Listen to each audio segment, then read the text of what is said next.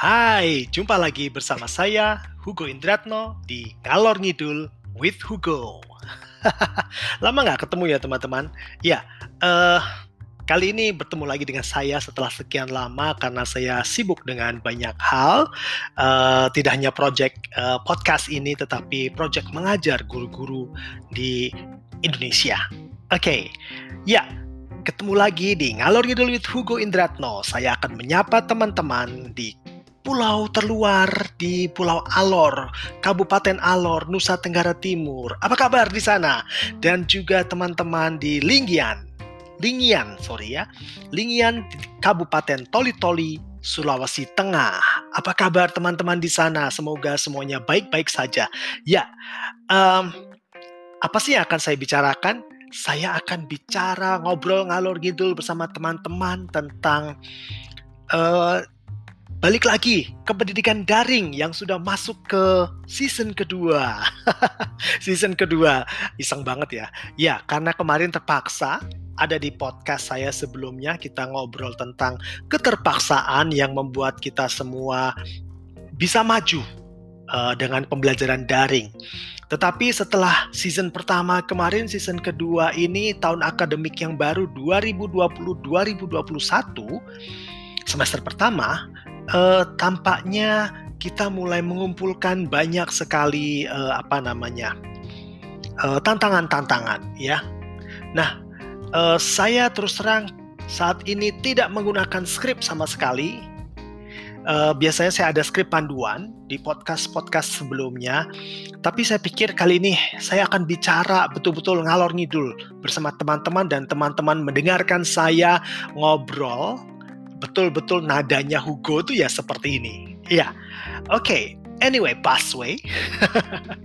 saya mau bicara tentang beberapa tantangan yang dialami dan dikumpulkan. Dan saya juga mendengar uh, dari banyak teman-teman pendidik di Indonesia yang um, kebetulan beberapa waktu yang lalu saya sempat mengadakan uh, workshop online begitu ya. Nah, beruntunglah saya karena saya mendengar langsung dari teman-teman. Ada tiga hal yang menjadi keprihatinan saya. Tadi saya bilang tanpa skrip ya, jadi saya mengatakan tiga hal ini yang langsung terbayang oleh saya di benak saya. Pertama adalah hal yang utama sebenarnya tidak berkaitan dengan pendidikan, tapi berkaitan dengan ekonomi keluarga. Berulang kali saya mengatakan bahwa ya, tidak setiap keluarga mempunyai prioritas utama dengan penggunaan teknologi dan pirantinya. Contohnya, tidak semua keluarga memiliki masing-masing anak punya handphone. Tidak setiap keluarga memiliki prioritas untuk mendapatkan kuota. Nah, hal ini menjadi tantangan dan juga yang harus dijawab oleh siapa? Menurut saya sih dijawab oleh uh, dunia pendidikan, sekolah, Kementerian Pendidikan, dan juga dijawab oleh keluarga masing-masing.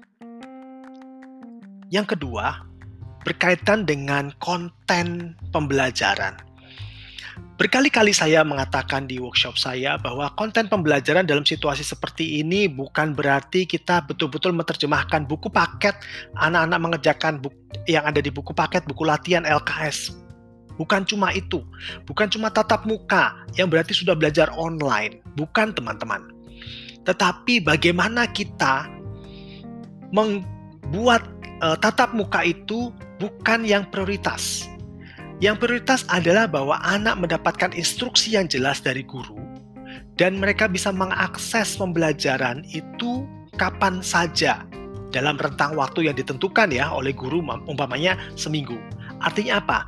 Guru sekolah harus kreatif juga untuk menaruh pembelajaran-pembelajaran di cloud. Kalau orang bilang ya di di sana di awan sana ya ya. Uh, jadi sangkutkan di secara online di satu platform yang disetujui yang diketahui oleh orang tua murid dan diketahui oleh siswa sendiri murid sendiri. Artinya apa? Tatap muka itu tidak bisa sesering mungkin tujuh hari seminggu kita sekolah tujuh hari juga, lima hari sekolah lima hari juga, tidak juga.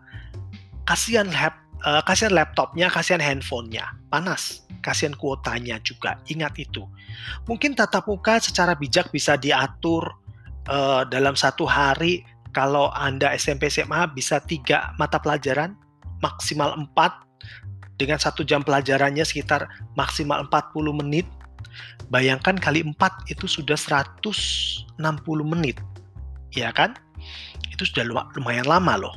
Nah, kemudian eh, sangkutkan dengan banyak hal. Contoh eh, kita sebutnya sebenarnya flip classroom. Eh, guru bisa membuat tugas-tugas itu bisa diakses oleh siswa diakses kemudian dipadankan dengan buku pelajaran.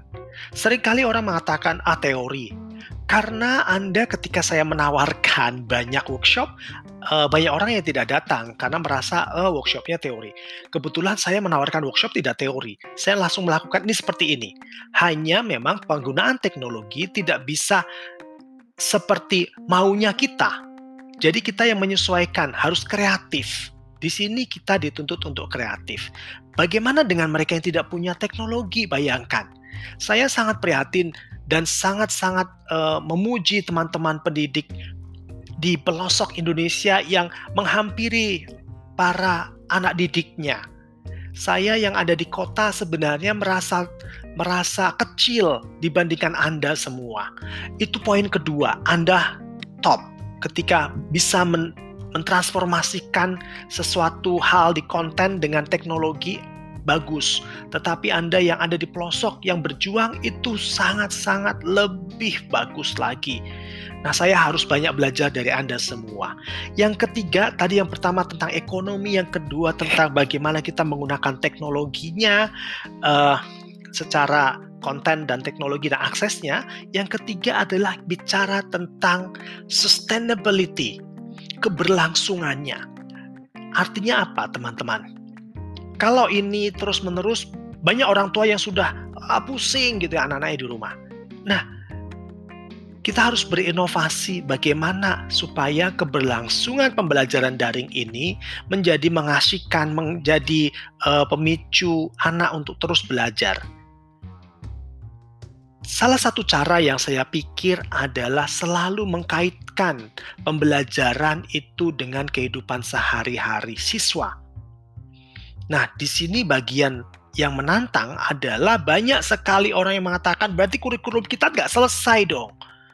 Teman-teman saya ingatkan sekali lagi, dalam masa seperti ini, nothing is perfect. Tidak ada yang sempurna. Yang ada adalah kita mencoba bukan beradaptasi, tapi menyesuaikan. Artinya apa, teman-teman? Kalau teman-teman mau ujian pun ada kisi-kisinya kan? Nah, kita tuju yang disebut dalam kisi-kisi. Kita tuju yang bisa dihubungkan, dikoneksikan, dirangkul dalam konteks keseharian anak-anak dalam masa pandemik. Dalam masa pandemik di mana lingkungannya Anda tahu. Kalau Anda tinggal di kota A, Anda pasti tahu lingkungan kota A. Bagaimana anak bisa mengakses sesuatu ketika mereka harus banyak di rumah. Artinya apa? Pembelajaran sustainability-nya, keberlangsungannya harus mendekatkan pada model kehidupan anak-anak di tempat kita mengajar. Nah, ini bukan teori. Caranya bagaimana? Caranya Anda semua dalam satu sekolah berkumpul bersama untuk membuat satu self-assessment. Kita semua guru, pendidik, orang tua sebenarnya semuanya adalah muaranya satu, mendidik generasi selanjutnya. Nah, kita harus berusaha mendidik mereka sesuai dengan jalan pikiran mereka kan. Tetapi keberlangsungannya kita buat sedemikian rupa supaya teman-teman yang kita didik, anak-anak yang kita didik bisa merasakan hal nyata. Susah. Betul, susah. Tapi kalau kita bekerja bersama, tentu tidak akan susah. Tentu ada terobosan-terobosan yang bisa kita aplikasikan kalau mengatakan kita mengejar kesempurnaan, buat saya secara pribadi kayaknya susah. Tetapi kita mengejar keberhasilan. Kalau kita mengejar sempurna, sempurna, sempurna, dengan keterbatasan kita benturkan, tidak akan ada rasa puas. Nah teman-teman, Mungkin itu obrolan saya hari ini. Semoga tidak menjadi beban buat teman-teman, tetapi menjadi inspirasi diambil. Atau teman-teman mau menanggapi obrolan ini, silahkan tulis di kolom komentar. Silahkan kirim uh, apa namanya. Kalau Anda bisa cari saya di sosial media, mudah sekali. Oke? Okay? Kita bisa berdialog awal dari terobosan adalah sebuah dialog. Itu yang selalu saya percaya. Baik teman-teman, 10 menit saya bicara, saya ngobrol-ngobrol bersama Anda, ngalor ngidul, baiklah. Saya tunggu kabar dari Anda semua, terutama Anda pendidik di seluruh Indonesia. Salam dari saya, ngobrol ngalor ngidul with Hugo Indratno. Dadah, cheerio!